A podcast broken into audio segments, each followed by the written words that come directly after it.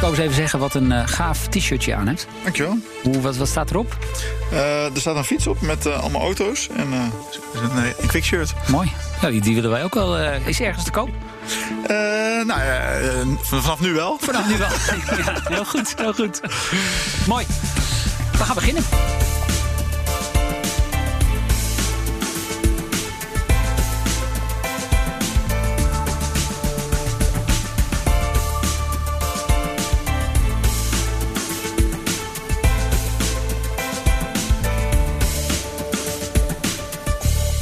Welkom alweer bij de derde aflevering van BNR's Baanbrekende Businessmodellen. Het programma met gevestigde bedrijven die zichzelf opnieuw uitvinden en nieuwkomers die bestaande markten opschudden. Ik ben John van Schagen en naast mij partner in crime Patrick van der Pijl. En Patrick, um, we hebben fans. Lees jij even voor? Ja, op LinkedIn kwamen we Daan Doem deze week tegen. En hij is met uh, meerdere bedrijven actief in de gezondheidszorg. En hij luisterde naar onze aflevering met Maarten van Rikstol van Sensier. En hij schreef: Wat een geweldig interview van John van Schagen en Patrick van der Pijl. Maarten, ik ben erg onder de indruk van je steeds weer doorontwikkelde visie. Ja, Daan Doem, uh, dankjewel zeg ik. Dat horen we natuurlijk graag. Um, ik kan je ook vertellen dat de aflevering terug te luisteren is in de BNR-app op bnr.nl of op je favoriete podcastkanaal. Goed, voordat ik onze gast van vandaag ga voorstellen, eerst weer even dit. Deze podcast wordt namelijk mede mogelijk gemaakt door Salesforce. Nou, wat zij doen is vooral bedrijven helpen om hun klanten beter te bedienen. En dat doen ze onder meer met de inzet van nieuwe technologieën. En dan moet je denken aan cloudoplossingen, maar bijvoorbeeld ook voice of kunstmatige intelligentie. En dat niet alleen, ze geven ook adviezen op het gebied van innovatie en groei. En dat allemaal met het doel om bedrijven succesvoller te maken in markten die steeds digitaler worden. En dat weet ik sinds een paar minuten. Onze gast van vandaag gebruikt die technologie ook. Zo is het, ja. Wij maken inderdaad gebruik van Salesforce sinds uh, drie jaar. Nou, dan zullen ze blij zijn om dat te horen. Heel goed. Ja, dan nu het thema van deze aflevering. We gaan ons weer onder laten dompelen in een heel nieuwe branche, namelijk die van de fiets. Ja, Patrick, even een klein quizje om mee te beginnen. Heb jij enig idee hoeveel fietsen er in Nederland zijn? Ja, ik heb er drie. Dus dan dacht ik, nou, misschien wel uh, 17 miljoen inwoners. Misschien wel uh, iets meer dan 17 miljoen. Nou, vind ik, uh, vind ik lang niet onaardig. Het zijn er iets meer, bijna 23 miljoen. En dat betekent dat we 1,3 fiets per Nederlander hebben. Dat is echt gigantisch. Het meeste in de hele wereld. En er zijn er inmiddels 1,8 miljoen elektrisch ondersteund. Heb jij er eentje, elektrische fiets? Ja, acht jaar eh, was ik een van de trendsetters zeg maar, met zo'n fiets. Wauw. En ook van het merk van onze gast van vandaag. Ja, dat, mag ik wel hopen, hè? want anders ja, dan hebben we een probleem. Taco Anema van Kwik staat hier in de studio. Uh, ja, die getallen die ik net opnoemde, die wist jij lang, hè? Tuurlijk, nou ja, die, die getallen van gewone fietsen die, uh, die, die zijn uh, hoog. En die blijven denk ik ook wel hoog. Maar de meeste fietsen staan natuurlijk in de schuur, niks te doen. En daar willen we wat aan veranderen. Ja, ik kan me voorstellen. Die, die Kwik fietsen, dat zijn elektrische fietsen. Hoeveel daarvan zijn er inmiddels? Ja, 1,8 miljoen in Nederland. Hoeveel daarvan hebben een Kwik etiket?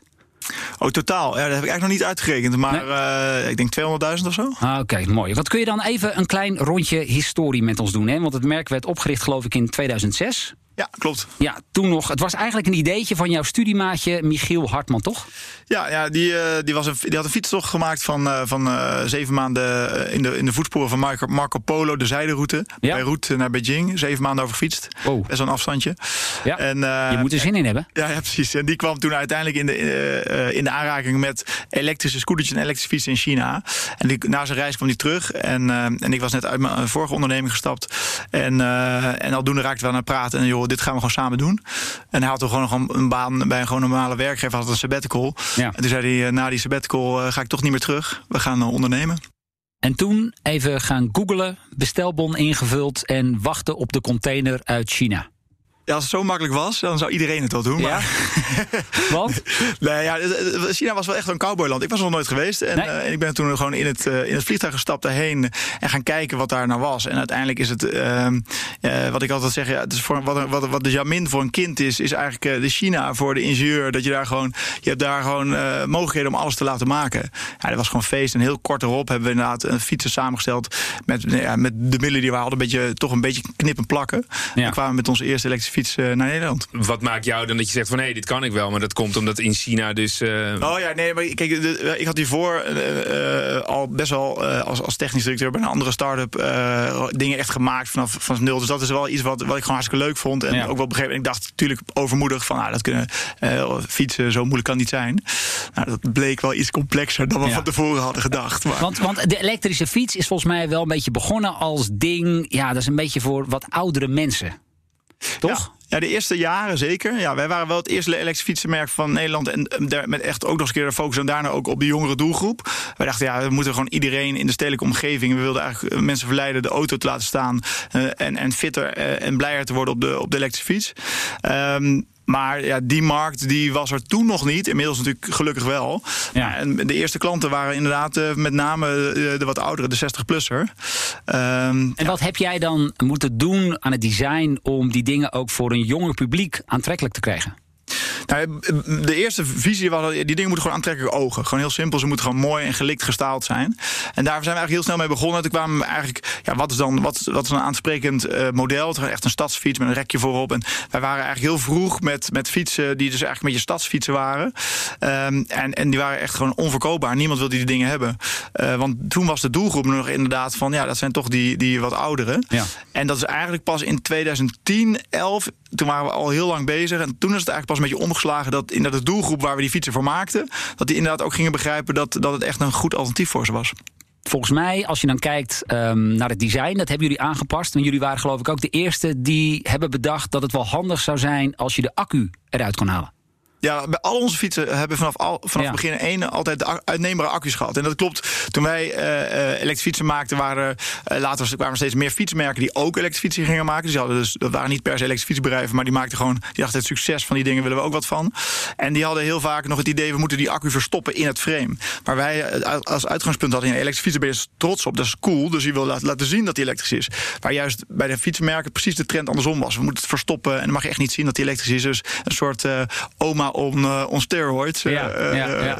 Dat idee. En dat, ja, daar hadden wij, keken we anders tegenaan. Ja, ik kan me dat inmiddels, ik zal je even uitleggen. Wij hebben nu thuis sinds, ik geloof een maandje of twee, hebben wij ook twee elektrische fietsen hebben we staan. En ja, het is wel elke dag, zeg maar, op een bepaald kastje staan al die accu's staan daar opgesteld. Daar moeten we nog wel even een oplossing voor bedenken. Want het is een weerwar aan draden en, en toestanden. Nou ja, wij hebben dus daar net een, exact dit probleem opgelost. Doordat we dachten, precies dit. iedereen heeft steeds meer van zo'n accu. Dat leg je nou ergens op een bureau met zo'n zo'n zo'n laptop snoer eraan. zie je met je lullig. En onze nieuwste fietsen die hebben ze eigenlijk nu gewoon een docking station. Je haalt de accu met één arm eruit. En dan kan je hem gewoon in een station laten vallen die op de grond staat. En met uh, helemaal weggewerkte draad. Dus je hebt geen ge ge geknoei meer met stekkertjes en zo. Dus dan gewoon eruit en erin. Dus dat hebben we net opgelost. Jezus, hadden wij maar een quickfiets uh, gekocht, denk ik ineens. Uh, schat, luister je mee?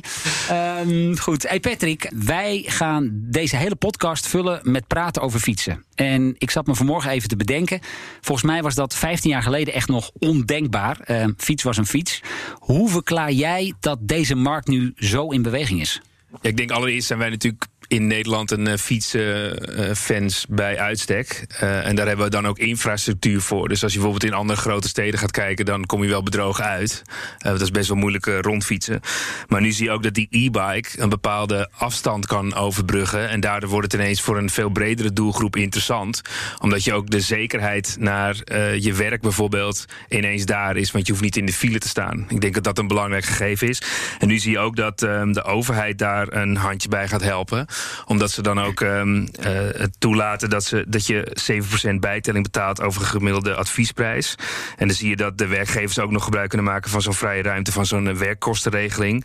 Dus je ziet dat de overheid dan met, um, uh, ja, hoe heet dat, subsidie of een, een, een handje helpt. Handje helpt inderdaad. En waarbij dus ook fietsbedrijven overeenkomsten kunnen sluiten met leasemaatschappijen. En Taco, dat hebben jullie gedaan.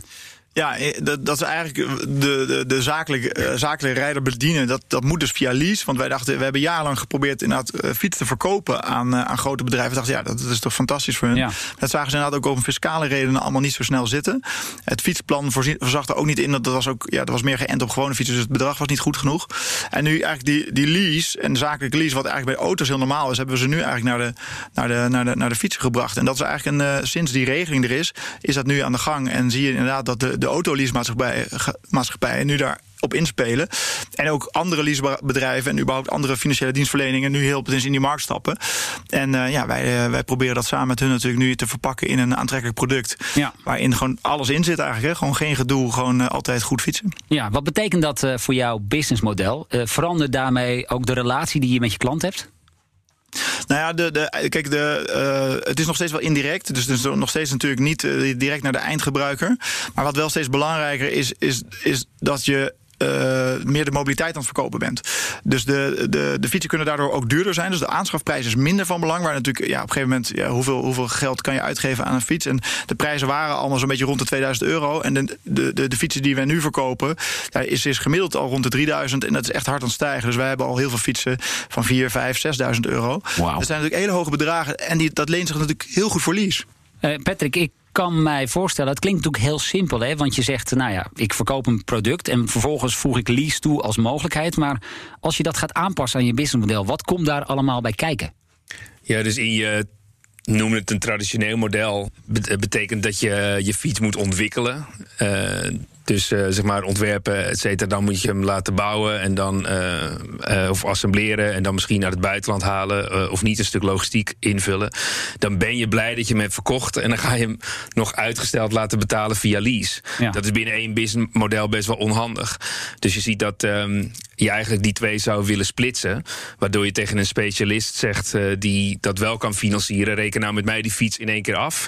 En dan hebben jullie een andere constructie om een lease aanbod te te doen. Ja, anders zeg je, dan wordt het voor één en dezelfde partij te ingewikkeld. Ja, dan heb je eigenlijk een heel grote, lange risicocyclus. Waar je eh, normaal gesproken op het moment de fiets zou verkopen en je geld eh, binnenkrijgt. Maar je moet dan nog langer financieren omdat je het nog uit gaat smeren over de leaseperiode. Ja, dat is, dat is qua risicomanagement niet heel wenselijk. Nee, Taco, is dat inderdaad ook de manier waarop jullie het hebben aangepakt? Ja, wij, wij financieren niet zelf. Nee, dat is echt, uh, wij doen dat echt met de partners. De financiële partners die dat, die dat helemaal op zich nemen. En dat hele stuk ook. Uh, en dan uh, aan de ene kant, dat heeft natuurlijk ook nog met de inning te maken. Dus, dus het is echt een apart model om dat lease goed te doen. En je kan natuurlijk op een moment over nadenken, op gegeven moment om nadenken om dat wel binnen je eigen vleugels van het bedrijf te doen. En dat hebben ook grote automotive industrie heeft dat natuurlijk wel gedaan. Je, je, hebt een automerk die ook onder dezelfde label een lease tak hebben. Maar dan moet het wel volume hebben. En dat is op dit moment absoluut niet. Dus wij hebben echt heel veel profijt bij juist die samenwerking. Je zegt volume. Ik kan me voorstellen dat de coronacrisis niet echt een handje heeft eh, meegeholpen. Nee, nou, zeker in, natuurlijk in maart en april was het hier uh, ja, was het wel even, even schrikken. Uh, in Nederland bleven de winkels open, maar ja, waren de winkels wel leeg. Niemand ging eigenlijk naar de winkels toe. En we hebben uh, ongeveer de helft van onze winkels buiten Nederland. En die waren veel al gewoon helemaal dicht. Dus ja, toen zaten we wel even van, oké, okay, ja. wat nu? Ja, maar je hebt begin dit jaar heb je dat leaseconcept gelanceerd. Ja. En ja, bedrijven die waren natuurlijk de afgelopen maanden met hele andere dingen bezig. Ja, dus het begon heel, heel, met heel veel enthousiasme, die lease. En we hadden eigenlijk heel veel gesprekken. Want uiteindelijk de manier hoe je het moet verkopen is ook natuurlijk ook anders. Het voordeel is natuurlijk dat die leasemaatschappijen ook wel echt aan hun klanten al verkopen. Dus daar hoef je niet alles aan te doen. Maar je moet als fietsmerk natuurlijk ook jezelf wel presenteren bij die bedrijven. Dus je, je benadert een beetje vanaf twee kanten. En daarna ook nog eens een keer naar de consument. Maar ja, daar zijn we natuurlijk vrij snel mee opgehouden. Want het was inderdaad. Uh, dat ging er niet worden. was gelijk weg, ja. ja. Um, dat leasen is natuurlijk een van de concepten die jullie hebben. Jullie doen inmiddels veel meer services dan dat, maar daar komen we straks nog over te spreken. Maar laten we eerst even inzoomen op een ander merk, Swapfiets. Uh, vanaf een euro of 17 per maand rondrijden. Ja, met name in de grote steden zie je die blauwe banden inmiddels uh, overal. Zeker hier in Amsterdam. Wat vind jij van dat concept? Ja, een heel mooi concept. Ja, dus de, ik denk dat in, in, uh, om, de, om de, de drempel echt maximaal laag te houden. Uh, ja, het is echt gewoon heel goed gezien, denk ik. Want heel veel mensen die zeggen: ja, maar goed, ik kan toch ook voor 100 euro een fiets kopen. Uh, ja, maar nu heb je een fiets die het altijd doet. En er zijn natuurlijk heel veel mensen die zeggen: ja, weet je wel, ik heb altijd gedoe, uh, wil ik allemaal niet. Uh, en zo'n rammelbak. nee, nu heb je gewoon een goede fiets die je voor een, voor een, voor een relatief ja, acceptabel bedrag per maand gewoon uh, kan. je kan het ook heel snel opzeggen. En het is eigenlijk het alternatief voor wat je in andere steden ziet, dat het eigenlijk dat pay-per-use, dat je echt gewoon die overal de hele stad vol met zwervende fietsen met elektronische sloten ziet, uh, waarvan die heel erg slecht behandeld worden door iedereen. Dus dan dan ga je zo'n fiets fietsen en dan doet hij het niet lekker. En bij dit model is die fiets van jou. Je, je, hebt hem wel, je kan wel na een maand teruggeven, maar toch, als jij hem nu laat vallen, je moet er straks op doorfietsen. Dus uh, het, is, het is toch wel dat je er enigszins zorgvuldig mee omgaat. En ik denk dat daar de sleutel ligt ook van het succes. Ja, het is wel een interessant model, omdat je een. Um, er zitten eigenlijk maar twee letters verschil. Hè? Dus je betaalt niet voor de fiets, maar je betaalt voor fietsen. Ja. Alleen dat betekent dat je ook geen, uh, in dit geval wel eigenaar uh, bent. Uh, maar je betaalt voor het feit dat je het kunt blijven gebruiken. Alleen wat ik daar wel, een, wel spannend aan is, is ja, een soort hefboom. Um, wat je qua businessmodel techniek toch probeert te bekijken vanuit de aanschaf van een nieuw product. Uh, versus een maandelijks bedrag wat je afrekent. En kijk, destijds bij Netflix bijvoorbeeld weeg jij dat af met het aantal dvd's wat je misschien per maand uh, aanschafte of huurde. En bijvoorbeeld bij Spotify met cd's destijds voor de, de, wat oudere luisteraars. Alleen bij zo'n fiets is dan de vraag: hey, wat, wat is men bereid maximaal per maand te betalen? Um, en ga je dan op termijn daar ook een winstgevend bedrijf uithalen? Want dan moet je echt wel een groot volume draaien. En je kunt het allemaal wel op papier uitrekenen. Alleen um, ik ben wel benieuwd of dat op termijn ook een uh, succesvol businessmodel gaat zijn. En ik ben ook wel benieuwd, Taka, of jij zeg maar zo'n CEO van zo'n bedrijf zou willen zijn. Uh, zie jij daar dan uh, heil in dat dat op termijn succesvol en dus ook winstgevend uh, gaat zijn. Ja, het, is natuurlijk ontzettend ingewikkeld, want ja, het is natuurlijk een hele grote uitdaging. Dus ik zou dat, die uitdaging op zich wel aan willen gaan. Alleen ja, zou ik het nou echt heel interessant vinden. Wij doen dat met, met, met Urbi, onze, onze sharing label, met elektrische fietsen. En daarin zien wij gewoon dat, ja, dat het werkt wel. Alleen het is echt heel veel werk. Omdat toch, ondanks dat die mensen wel een soort van eigenaar zijn van die fiets gedurende die periode, dat ze toch wel ja, de, de zorgvuldigheid hoe ze met die fietsen omgaan, is toch niet helemaal ja. hetzelfde als het een eigen fiets is. En uh, ja, de hoeveelheid werk die je eraan hebt, is echt veel groter. Dus je de, de, de prijs die mensen betalen, is voor het grootste deel eigenlijk de service. En, en, en in hun hoofd, als je mensen erover na gaan denken, dan denken ze dat, oké, okay, wat kost zo'n fiets? En nou weet ik veel, uh, kan zo'n soort fiets over 500 euro kopen. Dus hoeveel jaar kan ik dan uh, gedeeld door de maandprijs, wanneer heb ik hem dan zelf gekocht? Maar feitelijk is dat niet de juiste berekening, want ja, meer dan de helft van de kosten gaat op aan, aan service en die hele operatie. Dus het is echt, uh, nou, dat kan je ook bij Urbi komen kijken. Ja, zo'n hal vol met fietsen en, en, en, een enorme werkplaats waar allemaal fietsenmakers de hele dag die fietsen aan te repareren zijn. Ja, het is operationeel echt, uh, echt een hele grote uitdaging.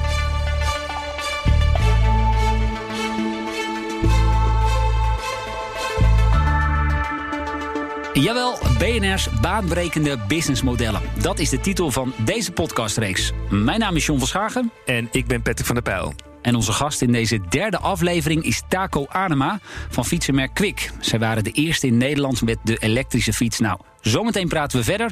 Eerst is het tijd voor onze wekelijkse rubriek. Wat komt er nu weer uit de oude doos?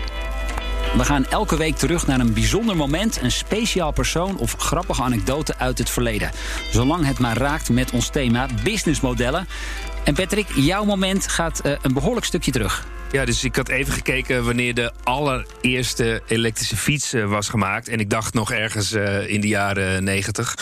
Alleen uh, dat bleek dus een paar eeuwen terug. Dus het was in 1895 door Ogden Bolton Jr. Zo. Zonder versnellingen en met een 10 volt batterij. En daarna kwam in 1897 patentnummer 596.272 van Hosea Libby uit Boston. En die had een dubbele motor uitgevonden. En daarna is daar een remake van gemaakt door Giant in 1990. Zo, dus de elektrische fiets is eigenlijk al meer dan een eeuw oud. Doet mij ook een beetje denken aan het verhaal van de elektrische auto. Want eind 19e eeuw was ook helemaal nog niet bekend wat het zou gaan worden: elektrisch versus verbrandingsmotor. En uiteindelijk heeft die laatste geworden.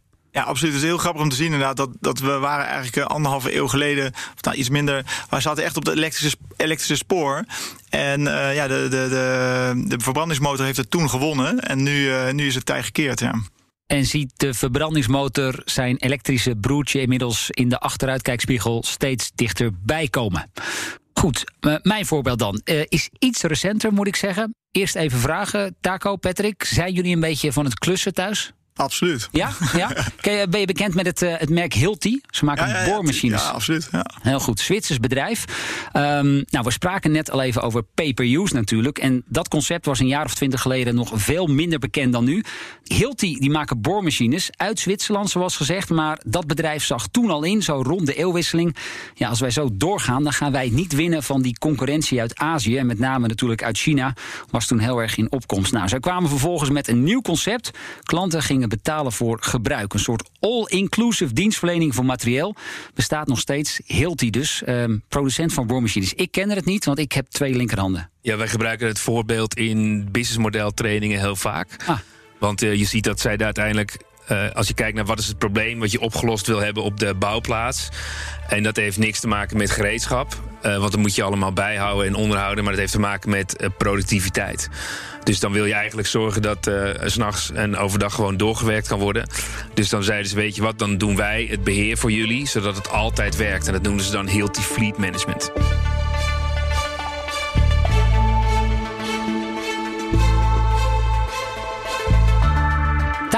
Hij is deze week onze gast in BNR's baanbrekende businessmodellen. En dus gaat het over de fiets.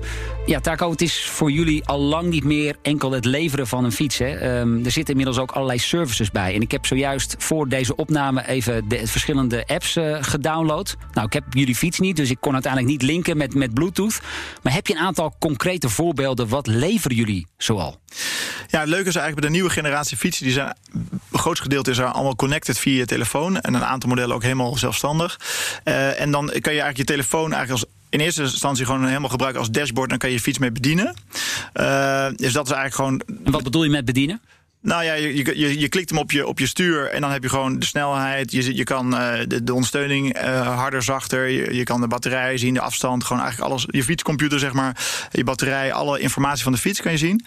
Um, maar uh, het leuke wat we daar nu aan toegevoegd hebben, is, is dat je eigenlijk ook de services erbij kan kopen. Dus bijvoorbeeld een dure fiets hoort vaak een fietsverzekering bij. nou, dan krijg je bij ons dan ook meteen road assistance service bij. En dan eigenlijk, de, ik noem dat de Find My Bike functie. Dus als we hier staan, dan krijg ik een melding als mijn fiets beweegt. Als mijn fiets dan werken gestolen is, dan, uh, dan gaat de G4S uh, wereldwijd uh, op zoek naar mijn fiets. Als ze die niet kunnen vinden, dan krijg ik, krijg ik een nieuwe fiets. Um, en, of als ik pech heb, dan kan ik gewoon in de app assistance aanvragen. En dan ja, krijg ik op dat moment hulp. En dan word, word ik of naar de dichtstbijzijnde fietsenmaker gebracht, of naar huis, wat ik wil. of hij wordt standtepeden gerepareerd als dat kan. Dus dat zijn services die toegevoegd worden eigenlijk aan het product fiets, die dan eigenlijk ja. via de app lopen. En zijn mensen ook bereid om daarvoor te betalen? Ja, gelukkig wel. Zeker bij de duurdere fietsen. Uh, maar het is nog wel echt een opkomst. Het is nog niet de meerderheid. Uh, dus de, de, de, de, de, als jij een fiets van 4000 euro koopt, nou, dan is, snap je natuurlijk dat je er heel zuinig mee om wil gaan. Maar maar de verzekering die daar dan bij hoort, is natuurlijk ook wel weer prijs. Omdat fietsen toch vrij veel gestolen worden, blijkbaar. Dus dat is, ja, dat is, dat is, dat is nog even uh, zoeken. Uh, maar het is wel een groeiende markt. Zie jij ook dat de toekomst van Quick ook met name zit in die, het leveren van extra services? Services worden steeds belangrijker, absoluut. En ik denk dat uh, van bezit naar gebruik, dat is sowieso een beetje een trend die we zien. Uh, dus die, ja, dat wordt steeds belangrijker, ook voor ons in de brede zin. Maar moeten we wel zeggen dat het volume daar nu nog niet zit. Maar je ziet het wel snel groeien. Ja. En als je dan even verder kijkt de toekomst in, um, ja, is er nog een bepaalde feature waarvan je zegt, daar droom ik nog wel eens van?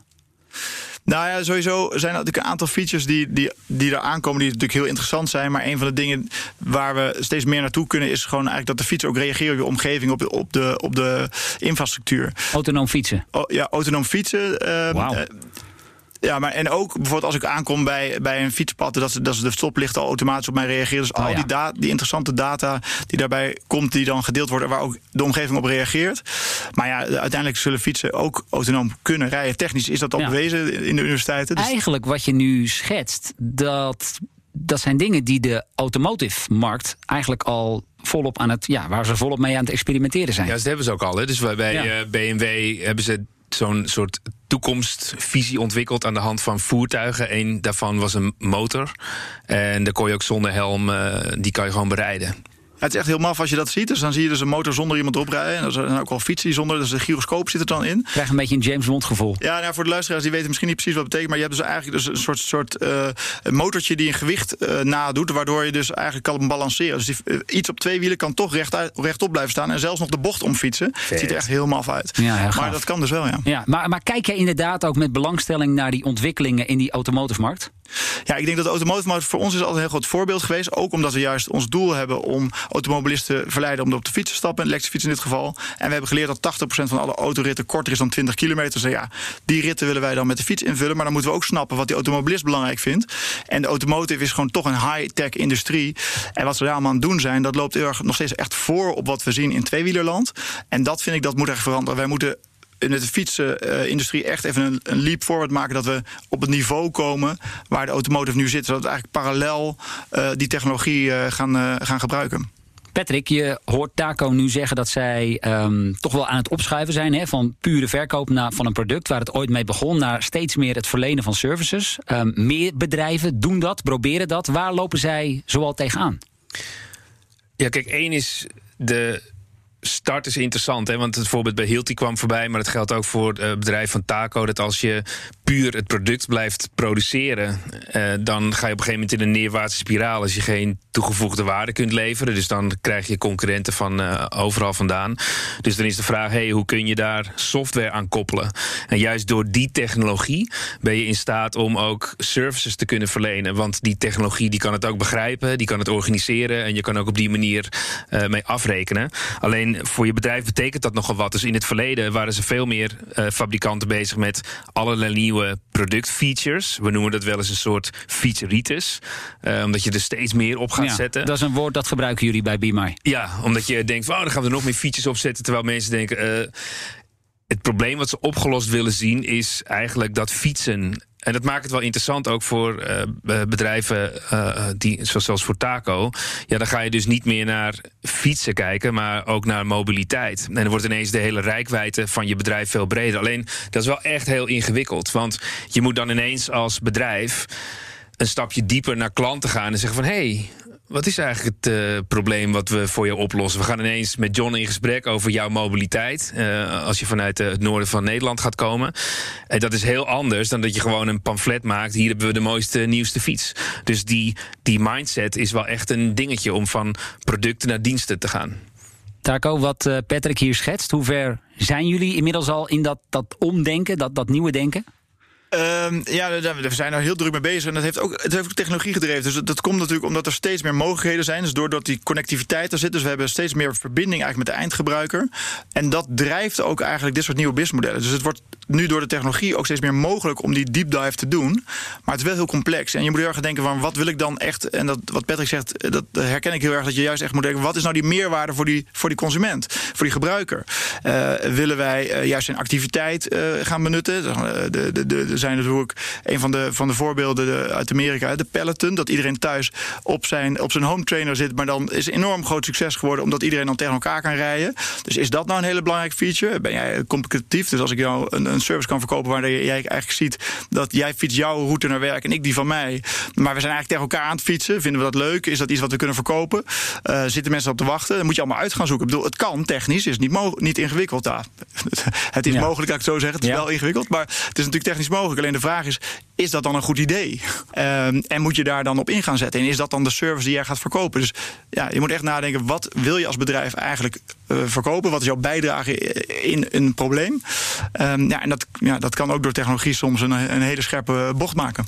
En is het dan zo dat jij, wat Patrick noemt net de featureitis. Ik had er nog nooit van gehoord, maar. Niet. Nee, maar, maar jullie, hebben, jullie, hebben, jullie hebben ongetwijfeld ook dingen ontwikkeld de afgelopen jaren. waar je licht heel, ja, waar je heel hoog verwachtingen van had. En na verloop van tijd toch moest concluderen: dit gaat niet werken. Hier zitten mijn klanten niet op te wachten. Nou, wat wij erg merkten is dat, dat. Ik zei al eerder dat onze fietsen voor het grootste gedeelte allemaal connected zijn.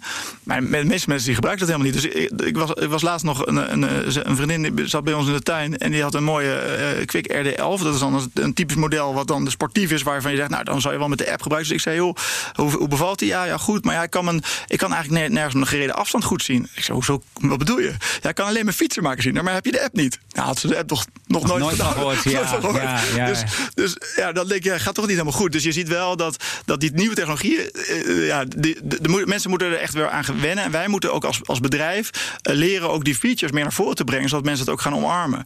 Maar ja, het is wel die technologie push, dat is niet per se de, de, de beste methode, zien we ook. En dan moeten we echt nadenken, welke features zijn dan echt belangrijk voor die, voor die klant? En wat, wat, wat bereiken we daarmee? En zodat die dus, dat dit soort dingen niet meer gebeuren. Want blijkbaar is dit niet een hele belangrijke feature voor haar in ieder geval. Nee, nou laten we eerlijk zijn, heel veel apps in Nederland die zitten vol met features. Ja, ik heb ze op mijn telefoon staan, maar ik gebruik ze nooit.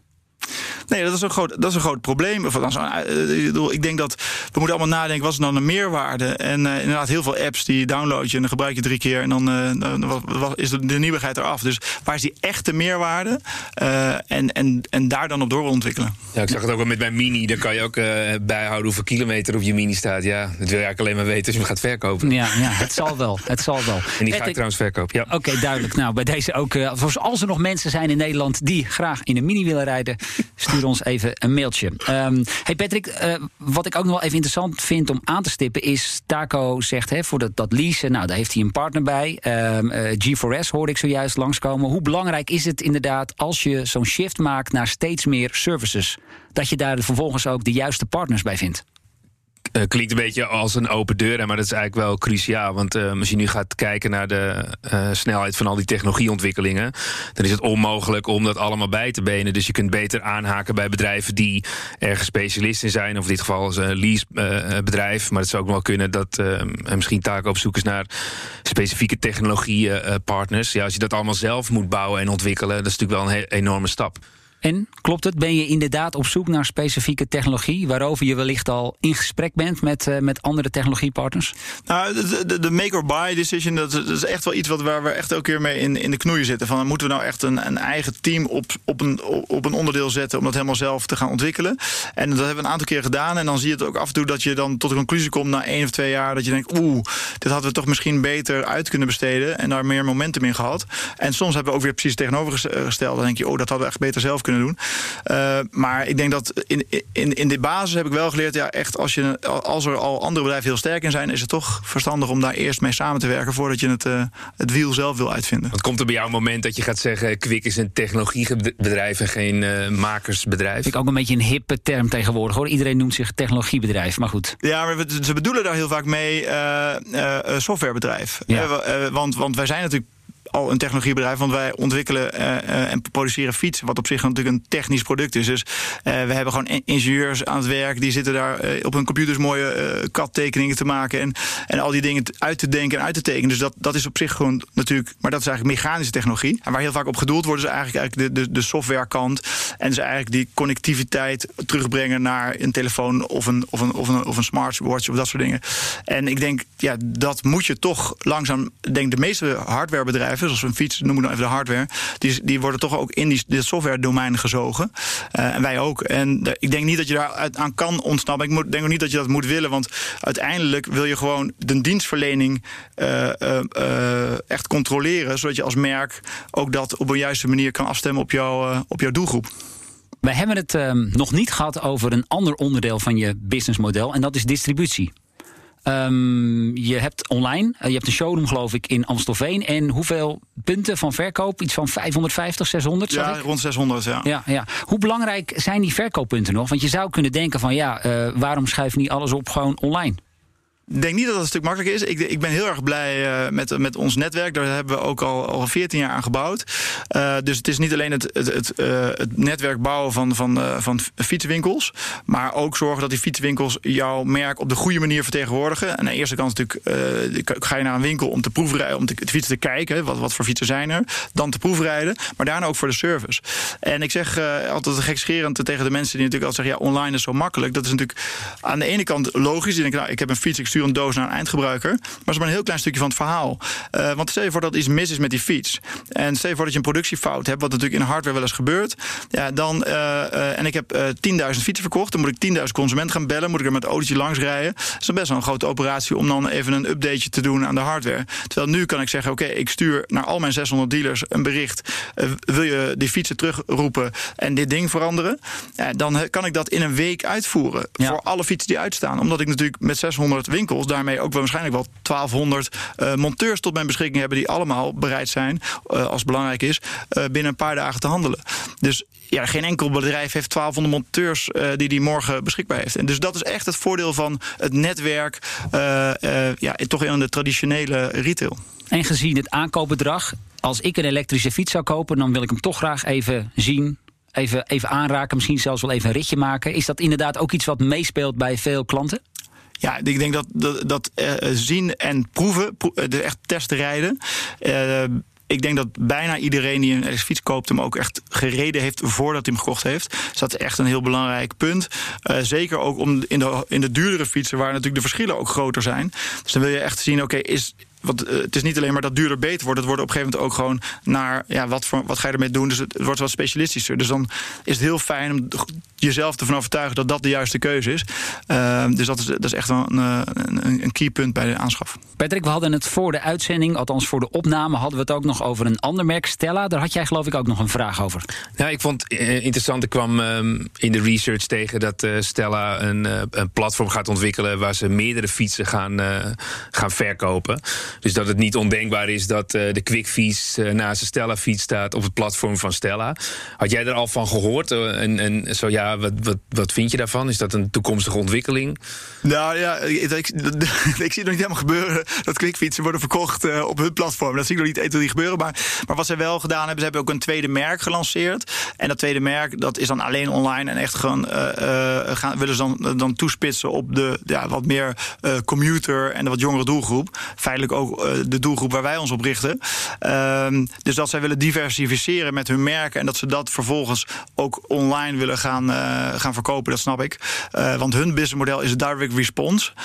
Dat betekent eigenlijk dat je dus een advertentie plaatst en daar staat, zo, daar staat heel veel informatie op, maar niet de echte informatie die de potentiële koper echt wil hebben. Want dan moet hij nog even bellen of zijn e-mailadres achterlaten.